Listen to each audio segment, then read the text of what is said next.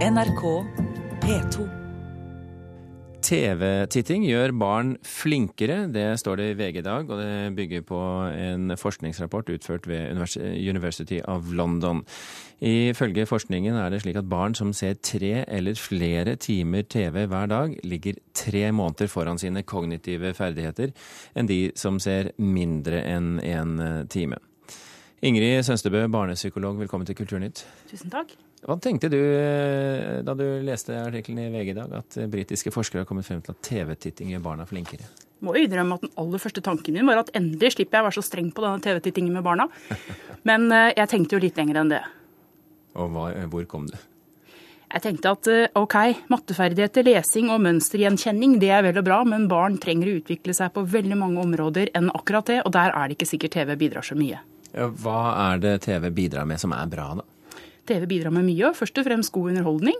Og tydeligvis så kan det hjelpe en del barn når det gjelder vokabular bl.a., at de får større ordforråd. Og det er jo positivt. Men er det avhengig av hva slags TV de ser på?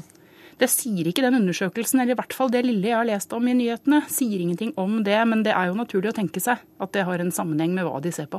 Så hva skal man se på for å få effekt av læringen? Jeg mener at barn skal få lov å se på det som er alderstilpasset god underholdning, jeg så må de gjerne få lov å se litt på programmer som eh, de skal lære av også. Men jeg tror at det meste av læringen skjer på helt andre arenaer enn på TV-en. Hvor da?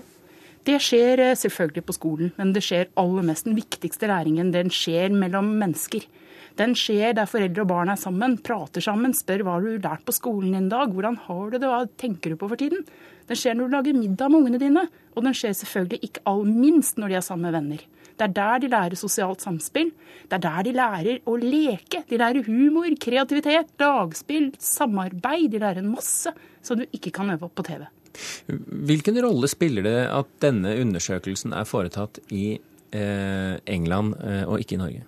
Det er et eh, interessant spørsmål og et viktig spørsmål. For det lille har lest om den undersøkelsen, er at de fant at det var noe som telte mye mer enn antall TV-timer for barnas kognitive nivå. Og det var foreldrenes utdanningsnivå. For man så der at de barna som hadde høyt utdannede foreldre i stabile jobber, de lå ett år foran barn med lavtutdannede foreldre i kognitiv utvikling.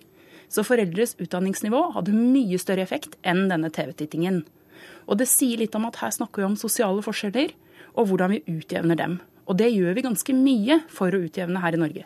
Men betyr det også at de med lavest utdannede foreldre har best nytte av å se TV? Det vet jeg ikke, for jeg har ikke lest rapporten. Og det sto ingenting om det i de avisartiklene jeg har lest. Det er et artig spørsmål. Men hva tipper du? Ja, i hvert fall når det sto det at barna kan få litt større ordforråd av å se på TV. Der kan det hende du treffer eh, barn av foreldre som ikke har så utdanning. Muligens. Men husk også på at dette er eh, barn fra England. De har ikke de samme mulighetene som barn i Norge har når det gjelder barnehage f.eks hvor du kanskje ikke ville funnet de samme, eh, samme forskjellene. Barn i Norge de går i barnehage stort sett alle sammen. Og der jobber vi med å utvikle språk, matteferdigheter, sosiale ferdigheter osv. Og, og vi jobber også mye med å fange opp de som eventuelt sliter litt i utviklingen, og hjelpe dem på rett vei. Så forhåpentligvis kompenserer vi for de forskjellene i Norge på andre måter enn ved å la barna se på TV. Hvis vi skal eh, gi folk eh, et råd, ja. hvor mye bør barn se på TV i Norge? Jeg syns man må finne en god balanse mellom den tiden de ser på TV som en ren underholdning, og den tiden voksne er sammen med ungene sine. Den tiden de skal drive med fritidsaktiviteter, lek, spill, moro og eh, være på skolen. Jeg har ikke noe sånn helt fasit, men jeg vet mange sier sånn rundt en time er en grei tid. Må se ungen din litt an, tenker jeg. Og litt hvor sliten man er. Om det er en god film, så må det være greit, så lenge du hadde en fotballkamp dagen før osv.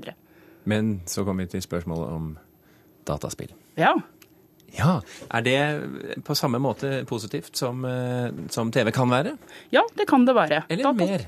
Dataspill kan utvikle barna på mange måter. Jeg har ikke noen klare undersøkelser som jeg kjenner til, i hvert fall, som sier noe om det er bedre eller dårligere å se på TV enn å se på dataspill. Men det er mange dataspill som utvikler ungene på mange måter. Igjen så er det viktig at det ikke blir det eneste de driver med, og at de dataspillene tilpasses ungenes eh, alder og utviklingsnivå. Sånn at små barn ikke sitter og holder på med voldelige dataspill f.eks. Det er jeg ikke fan av. Så eh, hvis vi skal konkludere, da. Ja. Norske forhold, norske barn. Ja. ja. Én eh, time skjermtid om dagen, er det en sånn grei tommelfingerregel? Det kan godt hende de kan ha litt mer enn én time skjermtid totalt sett, hvis de også er aktive barn som er ute og leker med andre og bruker seg fysisk. Ingrid Sønstebø, barnepsykolog, tusen hjertelig takk for at du var med i Kulturnytt.